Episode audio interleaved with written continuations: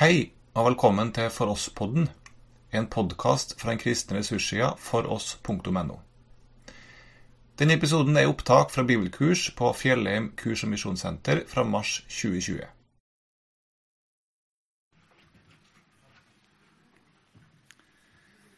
Ja, dere er uttalende og gode.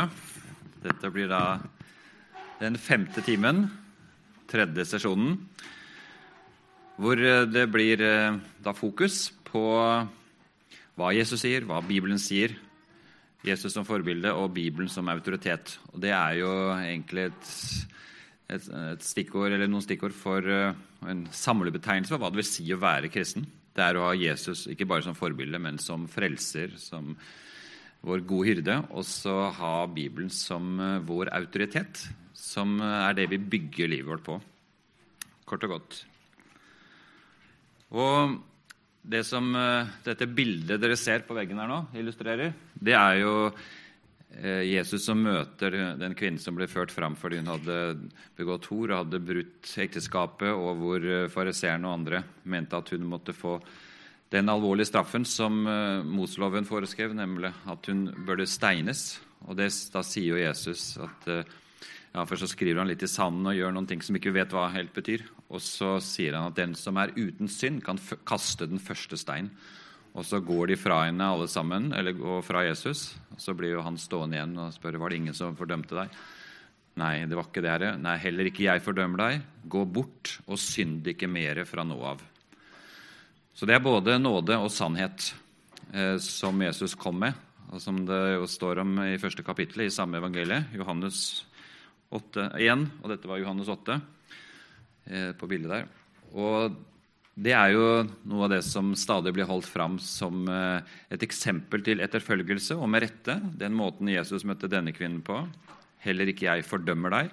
Gå bort og synd ikke mer fra nå av. Jesus tar imot alle, men han ønsker å gjøre noe med alle. Altså, Kom som du er, men forbli ikke som du er. For Jesus har tenkt faktisk å gjøre noe i livet ditt. Han har ikke bare tenkt å gjøre det, men han har gjort noe allerede. Når du har tatt imot Jesus som frelser og herre, så har han startet det nye livet i deg og i meg og i oss. Og Det er noe av det flotte som skjer med oss når vi tar imot Jesus som vår frelser og herre. At det nye livet begynner. Og der er det jo mye sånn gal forkynnelse og forførerisk forkynnelse, kan man kanskje si også, når man hele tiden hører at Gud elsker oss som vi er, og vi kom som du er, og bli som du er, og Gud forventer egentlig ikke noe særlig av deg, for han er glad i deg uansett. Og det blir jo et forkortet evangelium, fordi Jesus har kalt oss til et liv i helliggjørelse, som Bibelen snakker om, og som kristen forkynnelse opp gjennom tiden har snakket om, og som det kanskje er en del for lite av nå i vår tid, hvor nåden har veldig stor plass, og det er flott, men hvor sannheten lider veldig ved at vi overser, og veldig mange bare legger til side sannheter som Bibelen er skikkelig tydelig på. Jeg selv har hatt hjelp av noen stikkord i min, mitt arbeid og i min refleksjon over disse temaene som har med kjønn og seksualitet og samliv og ekteskap å gjøre. Og jeg har lyst til å dele de med dere nå også. Det er motivasjonsfaktorer for meg selv, og jeg håper kanskje for dere også. Og det er ressurser vi kan dra nytte av. Og da er det første stikkordet det er kjærlighet. Som dere hørte i går, så liker jeg ord på, som begynner på K. og Det får dere nå også. Da får dere en del ord på K. Fordi det er veldig greit, greie bokstaver. og å finne flotte ord. og Det er ikke noen jeg bare har funnet på, men det er kommet til meg etter hvert. at ja, Det er jo også noe som virkelig er helt grunnleggende for denne tematikken. Og Det første det er jo da kjærlighet, som er eh, stikkordet for hva Jesus kom for å både gi oss, men også som han ønsker at skal vokse fram i våre liv. Det er kjærlighet til Gud. Han sier jo det, Jesus, at det største og første budet det er å elske Gud av hele vårt hjerte og av hele vår sjel, av all vår kraft og av all vår forstand. Det er ganske omfattende. Og der gjør vi faktisk i utgangspunktet, alle vi som er her, den største synden hver eneste dag. Vi bryter det største budet om å elske Gud av alle våre krefter, av all vår forstand, av hele vår sjel og hele vårt hjerte. Og Det betyr jo at når vi bryter det største budet, så gjør vi den største synden. Og Det er en av grunnene til at vi er i akkurat samme båt som alle andre. Vi gjør eh, så stor synd hver eneste dag fordi vi bryter det første budet. Og så sier Jesus at det er et annet bud som er like stort, nemlig å elske sin neste som seg selv. Og Det også tror jeg de fleste av oss er enige om at det bryter vi også daglig. Vi elsker ikke vår neste som oss selv veldig ofte. Noen ganger glimter vi til, og vi kan mer og mer vokse inn i dette med Jesu kraft og med Guds kjærlighet som er utøst i våre hjerter. Men så sier Jesus også noe som bare er helt uh, utrolig sterkt. Det er jo at vi skal ikke bare elske vår neste sånn generelt, men vi skal elske de som forbanner oss, de som forfølger oss, de som snakker rundt om oss. I det hele tatt, Vi skal elske til og med, sier Jesus, våre fiender, hvis vi har noen. Og hvis ikke jeg har noen fiende Jeg vet ikke om noen som er mine fiender, men kanskje de ser på meg som fiende. Og uansett så er vi kalt til å vise kjærlighet, vise omsorg, ønske det beste for andre, eh, vise vennlighet, respekt osv. Og når det gjelder kjærlighet til våre medmennesker på denne tematikken som har med seksualitet og sånn å gjøre, så er det jo også viktig, som jeg allerede har sagt, at vi må skjelne veldig klart mellom individer, mellom personer og ideologier. Og det er jo interessant Når vi tenker på hvordan Jesus møtte mennesker, så blir jo ofte denne kvinnen som ble grepet i hor, trukket fram som eksempel på hvordan Jesus møtte mennesker. Og Vi kan også nevne kvinnen ved brønnen, samaritanske kvinnen. Vi kan nevne tolleren, Sakkeus. Vi kan også nevner Levi, som ble disippel, Matteus, som jo var en foraktet gruppe i samfunnet, for de var forrædere på mange måter. De tjente romermakten og krevde ofte for store skatter og ble rike pga. det. Men Jesus oppsøkte, han var sammen med, han møtte mennesker i alle mulige situasjoner. Og så ble deres liv forvandlet i møte med Jesus. Men samtidig som Jesus var veldig sånn imøtekommende og kunne menge seg med alle, for å si det litt sånn folkelig. Han blir ble jo anklaget for å være tolleres og synderes venn. Det var liksom det som han var litt kjent for, at han var sammen med folk som andre ikke ville være sammen med. Og Det er ganske utfordrende for oss. For altså, vi lever jo, jeg i hvert fall kan snakke for meg selv, lever jo veldig mye sånn boble av vellykkede kristne sånn rundt meg. og I Misjonshuset hvor jeg går, og andre steder, så er det ikke mange av, av de som virkelig er altså sliter med livet. Altså Vi kan gjøre det på ulike måter, selvfølgelig alle oss, men ikke de som virkelig er på samfunnets utside. Og Det er kanskje noe som eh, vi trenger å jobbe litt med, og som eh, jeg tenker meg det hadde vært utrolig spennende hvis flere av oss helt bevisst tok noen sånne prosjekter hvor vi ble enige. Nå går vi to og to ut en, en lørdagskveld, f.eks. Da går vi på en kafé eller en bar, eller et eller annet, og så ser vi hva som skjer. Prater med folk og som bare er der. Uten å skulle omvende noen i utgangspunktet. Kanskje Gud legger til rette for det, men bare være litt mer blant folk. Og ikke bare blant kristne. Og Det vet jeg, det er et av mine hovedproblemer. Jeg har nesten bare kristne venner. Og hvordan skal jeg nå ut med de gode nyhetene til folk rundt meg når jeg nesten aldri treffer dem? I hvert fall ikke sånn at jeg har noen skikkelige samtaler med dem. Og Det, det er én sak. Men på en annen side så er det jo det at Jesus møtte jo mennesker også med, med, si, med strenge ord. Han til og med jaget pengeveksler og andre ut av tempelet, veltet bordene deres. Og han har jo veldig sterke ord mot skriftlærde og fariseere, f.eks. i Matteus 23, som er full av skarpe uttalelser. Og det var mot ledere, mot eh, autoriteter, mot det som Jesus sa, de som forførte folket. Så her tror jeg vi må liksom ha to tanker i hodet samtidig når vi snakker om hva er Jesu eksempel, og hvordan kan vi følge ham. Skal vi møte våre medmennesker på individuelt plan med masse respekt og godhet og vennlighet, men samtidig så kan vi ikke gi slipp på sannheten mot folk og mot ideologier som forfører eh, både Guds folk og mange andre og som leder bort fra Guds vilje og fra Guds ord. Men her er det altså to nivåer. på en måte. Det er det personlige nivået, og så er det mer det ideologiske og det også politiske nivået. Men uansett hvordan vi argumenterer og snakker med folk som også har autoritet, og som vi mener eh, fører folk vil, så må vi gjøre det med respekt og med med en ydmyk holdning. For vi kommer bare så mye lenger. Vi er ikke Jesus, tross alt. Vi er mennesker som også har mye grums i våre motiver. Så jeg, jeg tenker i hvert fall at vi må vise mye varme overfor alle, sånn, samtidig som vi står krystallklart fast på det vi mener er sannheten, og det Kirken gjennom alle tider har ment er sannheten om disse temaene som vi nå er opptatt av.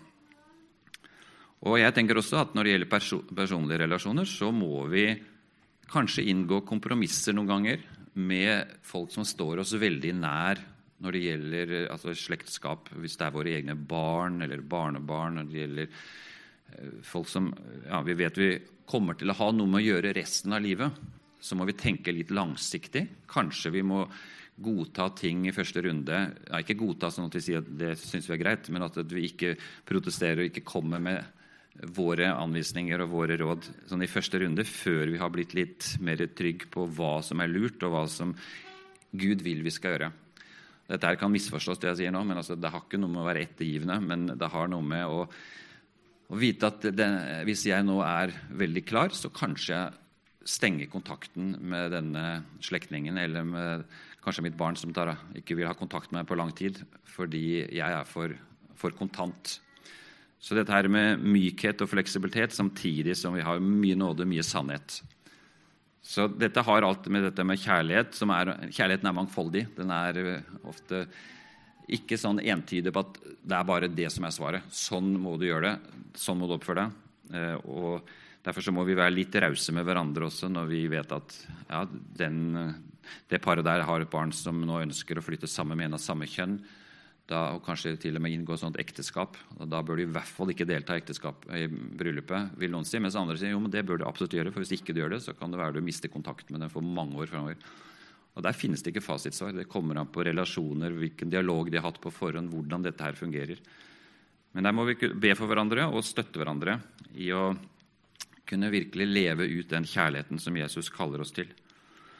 Og nettopp kaller oss til. Kallet er jo det andre ordet, som eh, jeg tenker er et eh, kjerneord i det kristne livet. Jesus kaller oss 'følg meg', sier han. Vi er kalt til å følge Jesus som den gode hyrde. Og det er noe som gjelder på alle planene i livet. Og det kallet det gjelder jo også dette som har med sannheten angående skaperordninger, ekteskap, barn og seksualitet. Men det gjelder jo også hele livet, egentlig, å følge Jesus. Og så er det å skjønne konsekvensene av eh, disse spørsmålene som har med seksualitet å gjøre. At eh, konsekvensene kan bli så store, og det har vi jo vært innom flere ganger, at eh, vi er nødt til å stå opp og tale, om ikke gjøre det offentlig, så i hvert fall i våre egne sammenhenger, på våre arenaer, og særlig overfor vår egen familie, barn og barnebarn. Vi kan ikke tro det at skolen spiller på lag med oss lenger. Vi må faktisk eh, forklare konsekvensene og handle ut fra dem. Og så er det kunnskap. Eh, jeg har understreket det og gjør det om igjen at kunnskap er helt grunnleggende i dette spørsmålet fordi det er så sensitivt, det er så kontroversielt, det er så lett å trå feil. hvis, ikke bare trå feil, men å ikke si noe og bli tause fordi vi føler oss eh, for lite informerte. Vi har ikke argumentene eller kunnskapen, vi har ikke skolert oss. Så Derfor er det utrolig flott at dere er her på dette seminaret. disse et par-tre dagene, og Jeg håper inderlig også at dere vil lese grundig disse arkene dere får, og gjerne kjøpe eller skaffe dere denne boka som, som dere, noen av dere har sett og fått. Og inni denne boka så ligger det altså en gul lapp som sier at dette er en gave fra mor, far, barn. denne boka. Og hvis du har lyst til å støtte morfarbarn ved en gave en gang, så kan du sende inn til kontonummer eller VIPS som står her. Men det er også en gave. Vi fører ikke noe regnskap på hvem som får boka. Så det er helt opp til deg. Og dette er en bok som virkelig gir kunnskap om det som har skjedd, og det som holder på å skje i det norske samfunnet. Og det er en veldig flott eh, oppslagsbok også, med dokumentasjon, med mye og både vedtak og taler og fra avisartikler og forskjellig som, som, man kan sitere fra.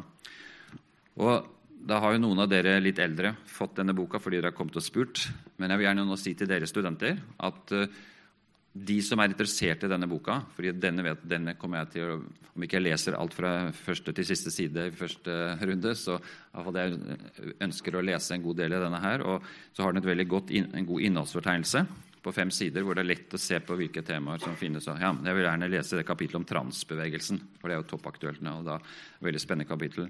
Starter der, og så vil du få lyst til å lese andre. Men hvis du har lyst på boka, så kan dere skrive dere på en liste. Jeg hadde ikke plass til mer enn 16 bøker i kofferten. så det var ikke bare plass, men tyngden ble stor.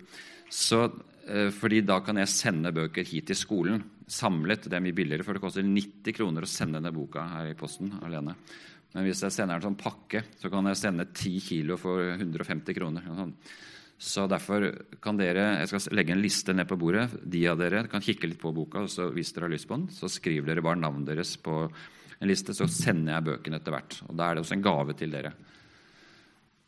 Og hvis det er andre siden som eh, kommer tilbake og som får lyst også å få den boka, så lager vi en ny liste og sender en pakke til. Så nå vet dere det iallfall. Det er en veldig flott ressurs for å skaffe seg nettopp kunnskap og vite faktisk da mye mer om disse sakene de aller fleste nordmenn. Og det er jo deilig. Være ekspert. Det blir man lettere enn man ofte tror eh, på ulike temaer. For de færreste kan være litt sånn overfladisk. Hvis du da leser en bok eller et par bøker om et tema, så vet du veldig mye mer enn de fleste andre. Og det gjelder også her. Så er det kampen, som er eh, et ord som jeg også syns er viktig å legge vekt på. At det er en kamp. Det er en åndskamp og en kulturkamp etter mine begreper, i hvert fall på høyeste nivå. Det var en amerikansk eh, filosofiprofessor som for noen år siden skrev en uh, liten sånn folkelig bok. Men han er, for han er en filosof som er veldig god til å skrive pedagogisk. og Han hadde en hadde bokutgivelse med tittelen uh, 'How to win the culture wars'. Hvordan vinne kulturkampene, eller kulturkrigene. Og Da nevnte han noen forskjellige områder hvor det er en kamp i samfunnet om sannheten. Og Da skriver han det, og jeg tror med rette, at den aller viktigste kampen det er kampen om ekteskapet, om seksualiteten. Eh, for den angår absolutt alle. Det er ikke sånn bare for spesielt interesserte. Den angår oss alle, og den angår våre egne barn og barnebarn. Men samtidig at dette er ikke en kamp mot kjøtt og blod, som Paulus sier. Det er i Efeserne 6. Det er ikke mot mennesker, men det er en kamp mot eh, ideologier og tankesystemer. Og så er det kraften eh, som vi som kristne kan eh, forvente å få underveis når vi går i tro. Når vi tar Jesus på ordet, og når vi går ut av komfortsonen fordi vi vil gå i lydighet, følge kallet. Og jeg syns ordet 'kraft' er veldig flott, da, fordi det heter jo på gresk 'dynamis'. Og det har vi jo på norsk også som låneord. ikke sant? Dynamitt og dynamisk og dynamo. Og dynamo eh, har jeg veldig sans for. fordi det er jo et sånt lite instrument som produserer kraft når den kommer i bevegelse. Og Det syns jeg er et veldig flott bilde på altså Guds kraft. Vi får Guds kraft når vi kommer i bevegelse som enkeltmennesker og som forsamling og menighet og som gruppe med noen kristne brødre og søstre. Når vi går på Guds ord, når vi ikke vet hva som skjer Det kan være litt skummelt. og det kan være helt uforutsigbart hva som er resultatet, eh, men vi gjør det. Og da får vi kraft underveis. Og Det kan sikkert mange av dere vitne om. og Det er jo også det som mange av våre forfulgte trossøsken vitner om, at de får kraft i fengselscella, i forfølgelsen, fordi de stoler på at Jesus er med dem, og at han vil hjelpe og støtte underveis. Ting kan også bli tragiske, men eh, de har evighetsperspektivet for seg hele tiden også at det vi må lide her i tiden, den prisen vi eventuelt må betale av høy pris kanskje, for å følge Jesus, den er for ingenting å regne mot den herlighet vi skal få del i når Jesus åpenbarer seg, som det står i Romerne 8, vers 16 og 17. Det å ha evighetsperspektiv at de eh, stormene vi opplever her Foreløpig har jo vi i Norge bare en sånn vindblaff og laber bris, men eh, det er jo andre trossøsken i rundt om i verden som opplever orkan og skikkelig tsunamier. Men eh, det er for ingenting å regne mot den herlighet du skal få del i. Det er verdt prisen. Det er jo noe av budskapet fra våre forfulgte trossøsken. De vet at hvis de hadde vendt Gud ryggen, vendt Jesus ryggen, så hadde alt blitt så mye enklere. Hvis de hadde omvendt seg til å bli muslimer eller kommunister eller hinduer, så hadde de fått et mye enklere og bedre liv sånn materielt sett. Barna kunne få gått på god skole, kanskje, de kunne få hjelp til å få starte en forretning. Alt ville bli mye enklere hvis de hadde vendt Jesus ryggen. Men de gjør det ikke fordi de vet at Jesus er perlen. Han er skatten. Og så har de evighetsperspektivet. Ja, Så dette er eh, seks eh, K-er. Og de er eh, verdt å meditere litt over, tror jeg. Både på dette temaet, men også sånn ellers for det kristne livet. Jeg syns de er veldig nyttige og til stor hjelp. Og Det som jeg har sagt på ulike måter, men som jeg har lyst til å vise på et annet bilde nå, som handler om dette med Jesu utfordring til oss, det er jo om igjen dette med kallet. Nestekjærlighet overfor alle, også dem vi er dypt uenige med, og som kanskje fordømmer og forakter oss. Idealet vårt det er å være tro mot sannheten i kjærlighet. Det handler om både kjærlighet og sannhet. Som jeg nevnte tidligere også med nåde og sannhet. Kjærlighet og sannhet det går ut på det samme. Det er å bygge broer av kjærlighet og trekke grenser av sannhet. Og så er det svaret. På ulike måter kommer vi alle til kort overfor Bibelens bud og formaninger. Vi er i samme båt. Har, men så har vi ikke av den grunn frihet til å omskrive, oppløse eller slå av på Guds bud. Svaret for oss alle er evangeliet. Det er Guds tilgivelse og et fornyet sinn i Jesu etterfølgelse. Og dette eh, svaret det er jo kjempeviktig. At vi skal ikke nedskrive budene, nedskrive Guds vilje, bare legge det til side, for det, det, betyr ikke så mye, for det er jo kjærligheten som betyr alt. Det blir sånn eh, både åndelig snillisme, og det blir billig nåde. Hvor vi bare sier at nåden dekker alt uten å tro, og er du døpt, så er du frelst. og Det blir veldig sånn overfladisk. Så her må vi tenke både kjærlighet og sannhet. Både nåde og sannhet hele veien. Og så er det oppgjør. Vi trenger alle å jobbe med oss selv. Er vi, er du og jeg, preget av harde hjerter? Er jeg preget av menneskefrykt eller av forakt? Trenger jeg å be noen om tilgivelse? Dette her er jo dype spørsmål som eh, går på mange temaer og går på hele kristenlivet. Eh, livet som etterfølger men også på dette feltet som vi opptar oss med på dette seminaret. Da kunne jeg tenkt meg nå bare gi to minutter til eh, hver enkelt å sitte for seg selv sammen med Herren og bare meditere over ett eller to av de punktene her. Og la Gud tale. Og ikke minst det siste der med oppgjør. Er det noen kanskje Gud minner oss om at vi skulle begynne å be for, eller skal vi skulle faktisk gå konkret til å be om tilgivelse? Eh, holdninger vi trenger å endre. Så la oss sitte stille, lukke øynene eller se på veggen og på ordene der, og så ta to minutters eh, stillhet hver for oss. Herre Gud, vi takker deg fordi du er en levende Gud, som også taler i dag, spesielt gjennom ditt ord, men også direkte til oss når vi søker deg i stillheten, og når vi tar deg på ordet. Jeg ber Jesus om at du vil minne oss på det som kanskje du minnet oss på nå, eh, og talte til oss med noe konkret som vi skal gjøre. Og Jeg ber Herre om at det ikke blir noen som glemmer så fort, men at vi husker, at vi søker deg stadig på nytt i ønsket om å stadig komme nærmere deg og høre, og høre deg også når du hvisker til oss. Herre, hjelp oss til å virkelig være lydhøre og lydige. Amen. Når det gjelder dette om at eh, det er en kamp å være en kristen Det er faktisk ikke å være på et cruiseskip med masse god mat, underholdning og svømmebasseng hvor vi nærmest får liggesår av velvære. og det er bare så herlig. Men det er faktisk å være på et krigsskip. Eh, I hvert fall mye mer lik det å følge Jesus kjempemiljø der. Det er en fantastisk kaptein. Vi har masse flotte oppgaver vi skal gjøre, og vi har mye spennende foran oss. Men det kommer også faktisk til trefninger innimellom med kamp med fremmede makter, krigsskip. og vi må kanskje sette livbåter ut, og det er mye som skjer.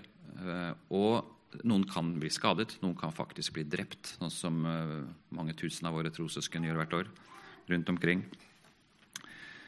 Men eh, det er en kamp som vi er kalt til å ta del i, ikke alle på samme måte. Det kan godt være ikke noen av oss skal bli kjent for det sånn ut i, ut i, det offentlige, men i vår lille krets, der hvor vi har våre naturlige arenaer. Og Da er det et sitat jeg har lyst til å nevne som angår ikke minst det temaet om seksualitet og samliv.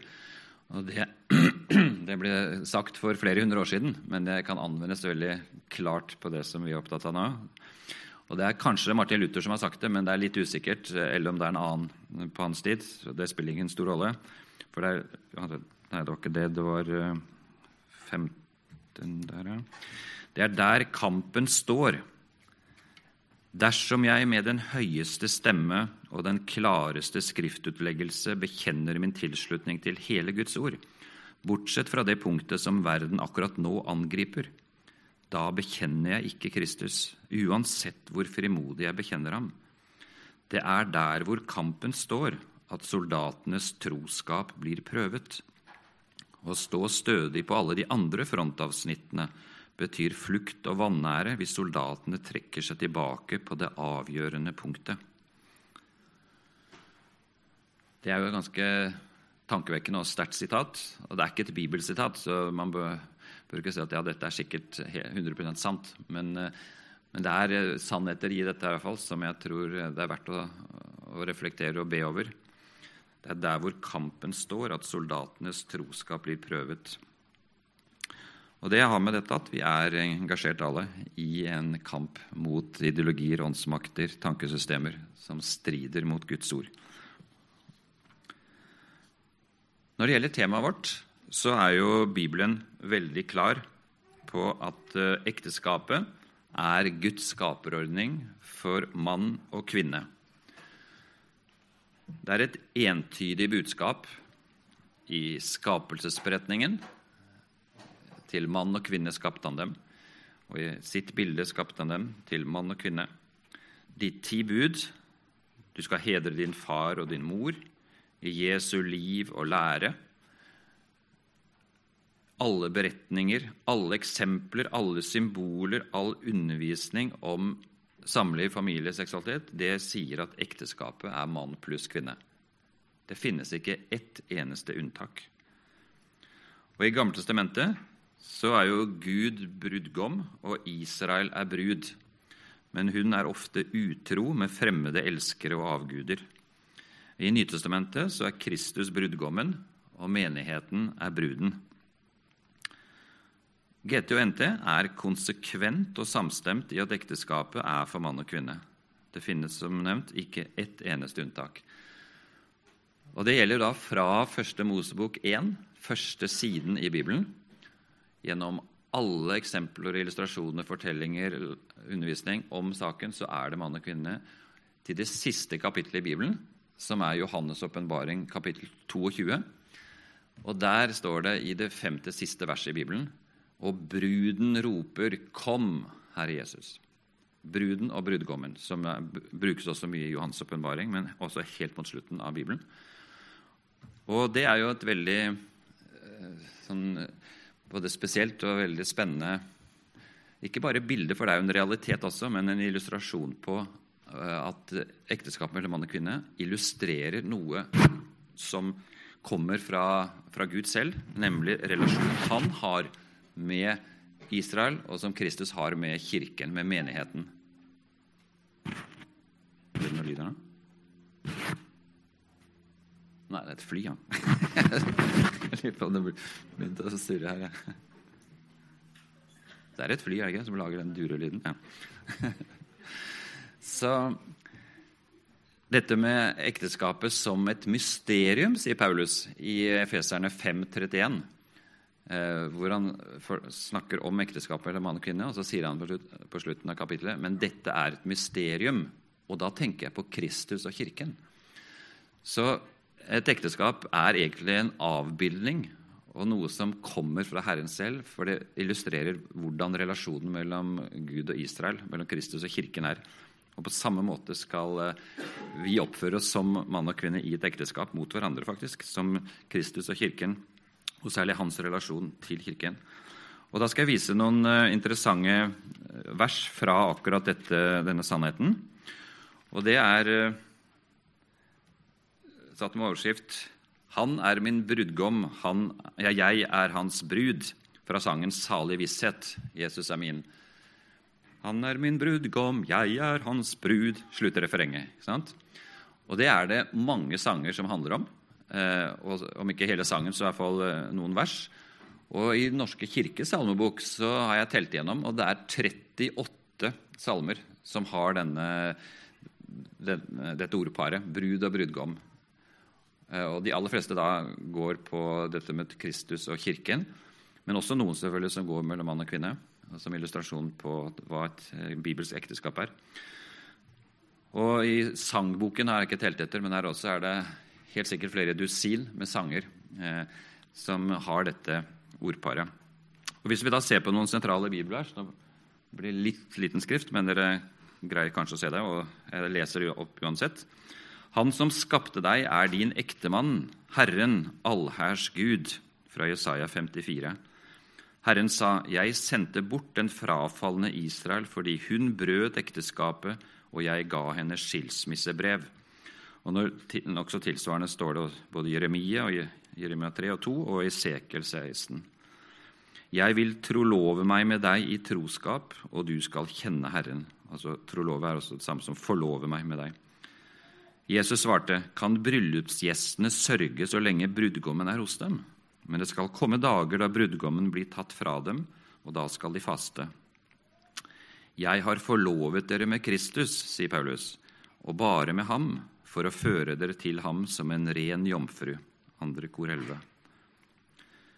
Derfor skal mannen forlate sin far og sin mor og holde seg til sin hustru, og de to skal være ett. Dette er et stort mysterium. Jeg tenker på forholdet mellom Kristus og kirken. Efeserne 5. La oss glede oss og juble oss og gi ham æren. Tiden er kommet for lammets bryllup. Hans brud har gjort seg i stand. Salig er de som er innbudt til lammets bryllup. er bryllupsmåltid. Åpenbaringen 19. Ånden og bruden sier, 'Kom'. Ja, kom, Herre Jesus. Så dette er noen eh, av de stedene som eh, taler om dette i Bibelen, og som eh, mange ser på som mye viktigere enn det kommer fram ofte i norsk kristenhet. Det forkynnes nesten aldri om det. Og noen har det som en liten spesialitet og, og bruker disse versene i mange sammenhenger, mens de aller fleste, i hvert fall prester og forkynnere som jeg har hørt, de snakker svært lite om dette. Men det hører faktisk med i helheten når vi skal snakke om hva et ekteskap er, og det bibelske ekteskapet. Og Det som er eh, de to grunnleggende tekstene for eh, et bibelsk ekteskap og bibel-ekteskapsforståelse, det er jo de som allerede har nevnt så vidt, men for å lese dem opp Det første er altså fra første Mosebok 1 og et vers i kapittel 2 også. Gud skapte mennesket i sitt bilde. I Guds bilde skapte han det. Som mann og kvinne skapte han dem. Dette er da fra Bibel 2011, så det er litt annerledes her nedover. Gud velsignet dem og sa til dem, vær fruktbare og bli mange. Fyll jorden og legg den under dere. Derfor skal mannen forlate sin far og sin mor og holde fast ved sin kvinne, og de to skal være én kropp.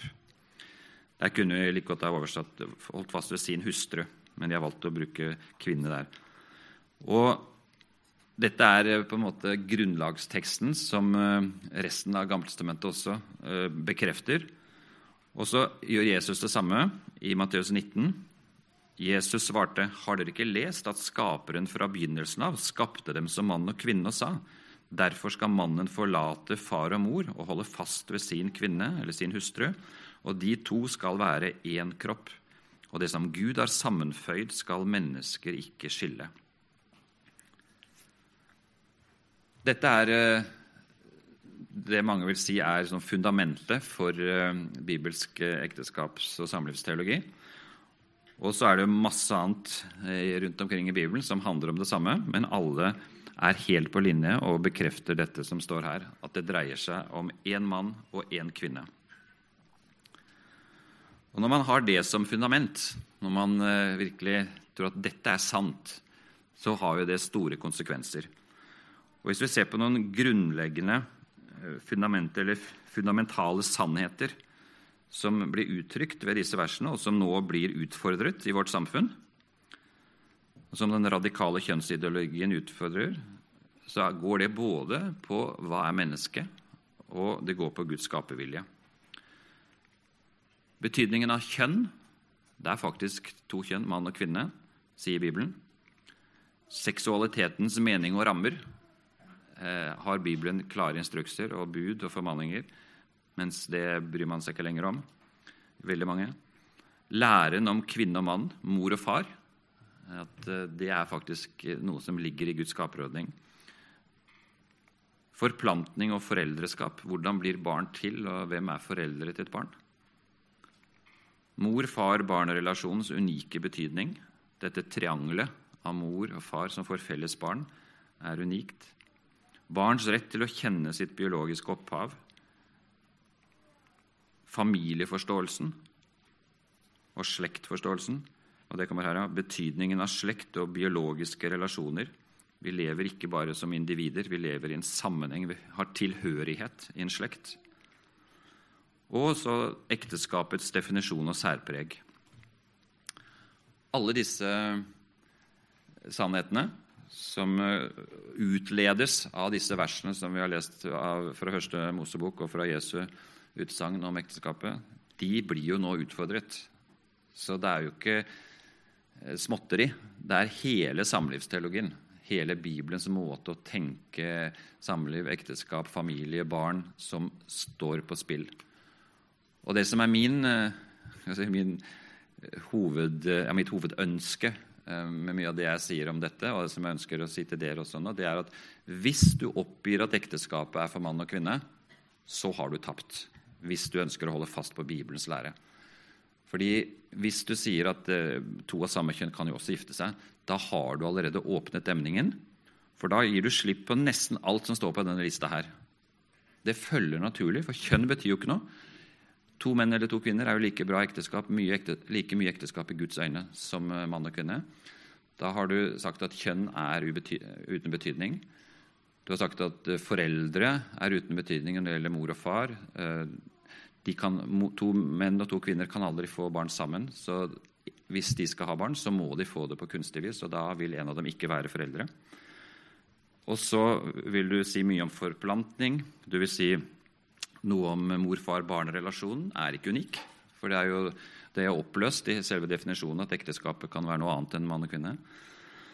Og du oppløser også betydningen av slekt. For det blir nå tusenvis av norske barn som blir født uten halvparten av slekten sin. Eh, de får aldri vite hvem sine besteforeldre er, veldig mange av dem, og hvem som er far eller hvem som er mor, osv. Så, videre. så hvis du først sier at ekteskapet kan være noe annet enn mann og kvinne, så er du ute på en glideskala. Og den vil det være umulig å hoppe av hvis ikke du hopper helt tilbake til start og sier, går tilbake og angrer og sier at nei, men ekteskapet er jo mann og kvinne. Jeg tok feil. Så Det er det som er så dramatisk nå med Den norske kirke. At de har åpnet demningen, og da følger det og strømmer det ut mer og mer vann. Og du blir tvunget inn i en dynamikk. fordi Hvis du først har sagt A, og du sier B, og du sier C, så er du nødt til å følge på. Hvis ikke du er en sviker og som prøver å stå imot. Men det vil du ikke greie, tror jeg, fordi det ligger innebygd i systemet her at hvis du først har oppløst kjønn og oppløst barnets eh, rettigheter, slektens betydning, at mor og far ikke spiller noen rolle, da har du gjort så mye at alt det andre det er nesten bare variasjoner over samme tema. Men det er litt forskjellige innfallsvinkler. Og du vil sannsynligvis også mene at eh, barnemarkedet med kjøp og salg av sæd og egg, donorer og surrogatmødre eh, er akseptabelt. For det er jo den måten man må skaffe seg barn på hvis man vil ha barn når man ikke er mann og kvinne. Enten man kjøper selv, eller staten kjøper for deg. Så her er det, som dere skjønner, fundamentale sannheter. Og hvis vi tar Bibelen på alvor, hvis vi virkelig vil være bibeltro, så kan ikke jeg se noe annet enn at vi er nødt til å holde fast på at ekteskapet er for mann og kvinne.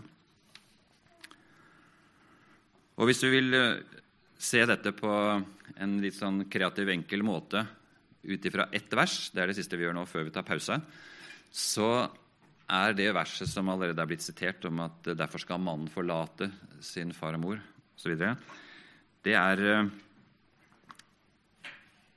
Nei, nå tok jeg feil her. Det var der. Det er altså en bibelsk forståelse av ekteskapet som er uttrykt her i dette ene verset. Og Der burde det også stått Jeg glemte å føre på altså Efeserbrevet 5.31. Så det er fire steder i Bibelen så står det verset. Efeserne 5.31. Derfor skal mannen forlate sin far og sin mor og holde fast ved sin kvinne, og de to skal være én kropp. Det er altså mannen, en voksen, selvstendig person. Barnebryllup og denne slags det hører ikke hjemme i bibelsk forståelse av ekteskapet. Forlate det er altså et oppbrudd, det er en ny livsfase, det er en ny lojalitet. Min eh, nærmeste omsorgsperson eller min nærmeste pårørende det er ikke lenger mor og far. Nei, det er min ektefelle når jeg gifter meg. Og denne lojaliteten, denne, det å forlate, det er altså ikke fra hvem som helst. Nei, det er fra mine biologiske foreldre, mitt biologiske opphav, nemlig min mor og far. Den naturlige familien med biologiske foreldre. Og jeg er kalt til da, og det skal holde fast ved eh, min kvinne eller min hustru. Det er altså en ny familie, en ny sosial enhet med livslang trofasthet, for det er noe varig. Holde fast ved er et veldig spennende ord fordi det kan oversettes også med 'være limt sammen med'. Og Det gjør det noen steder. Oversettes med å være festet, limt sammen, sånn varig. Med superlim, kan vi jo si i vår tid. Eh, og det er altså noe som er spesifikt kristent og bibelsk. Eh, at det er livsvarig. Det er ment til å være livsvarig i onde og gode dager til døden skiller dere ad, som det heter i vigselsritualet. Og det lover man ikke i, på rådhuset eller hos sorenskriveren. Der er det bare at ønsker dere å leve sammen som mann og hustru? Ja, svarer de. Men ikke til døden skiller av i gode dager. For der, ekteskapet er ikke lenger i samfunnet og i lovverket forstått som noe livsvarig. Altså det kan gjerne være livsvarig, men det er ikke forutsetningen eh, i lovverket i Norge i dag. Og så er det sin kvinne eller sin hustru. Det er kjønnspolaritet, altså mann og kvinne. To kjønn som tilhører og utfyller hverandre. Både kroppslig og åndelig, mentalt. Det er mange variasjoner, mange forskjeller.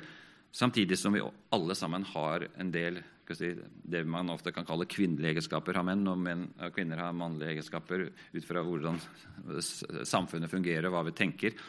Men det er grunnleggende forskjeller også, som ikke minst går på kjønnsorganer. Det, og det går på muligheten til å reprodusere. Det har med sæd og egg, det har med hvordan vi er skapt til å få barn. Og barn er jo en helt integrert og utrolig sentral del av ekteskapsforståelsen og av ekteskapstenkningen i alle samfunn til alle tider. Og er det jo fortsatt uh, i Norge, selv om uh, hvordan man får barn, det er en helt annen sak. Men samfunnet er jo veldig interessert i ekteskap og i samliv fordi barn skal ha de best mulige oppvekstvilkår. Og da er det med sine biologiske foreldre som er det beste utgangspunktet bedre enn noe annet, viser jo alle undersøkelser, alle studier i de siste 100 årene. Men det bryr man seg ikke noe særlig om lenger, fordi nå har vi en ny ideologi som ikke følger det jeg lærte for på psykologistudiet da jeg tok forberedende på 70-tallet i Oslo, hvor vi lærte som selvfølge at det er best for barn å vokse opp med mor og far. Eh, men det tør man ikke si lenger. Det er forbudt nærmest å si det. Da er du bare så fordømmende. Så nå har vi fått en eh, sånn likestilling som vi har vært innom før også, hvor altså betydningen av kjønn er opphevd enda. Man strever å få mann, menn inn i barnehager og skoler og andre sammenhenger. De to det er et par bestående av én mann og én kvinne. De to. Det står både i Første Mosebok og hos Jesus hos Paulus. Ekteskap er for to personer. og Derfor har alle kirkesamfunn gjennom 2000 år aldri godkjent polygamiet. Så langt jeg vet, i hvert fall, så har, finnes ikke ett eneste kirkesamfunn i hele historien som har hatt som lære og godkjent velsignet polygami med flere enn to. Islam har jo det. En mann kan ha fire kvinner. En kvinne kan jo ikke ha flere menn, men en mann kan ha flere kvinner og flere hustruer. Og I noen andre religioner er det også sånn. Eh, men i den kristne religion så har det alltid vært sånn at eh, ekteskapet er for to personer. Og Det har jo sin naturlige forklaring, for det ligger i skapelsesberetningen. Og det ligger også i biologien. Det er bare sted fra én mann og fra én kvinne som fører til barn. Og de to er foreldrene. Og så skal det være, eller de skal være en prosess med kjærlighet, læring og utvikling. De skal være én kropp, et legeme, et kjød. En unik fysisk, emosjonell og åndelig enhet mellom mann og kvinne, som igjen fører til familie og som regel foreldreskap. Så dette er en uh, liten uh, pedagogisk framstilling av viktige stikkord og sannheter i Bibelens uh, forståelse av denne unike første skaperordningen blant mennesker som Gud skapte, nemlig ekteskapet. Du har nå hørt opptak fra bibelkurs fra Fjellheim kurs- og misjonssenter. Du finner mange andre opptak med undervisning på foross.no.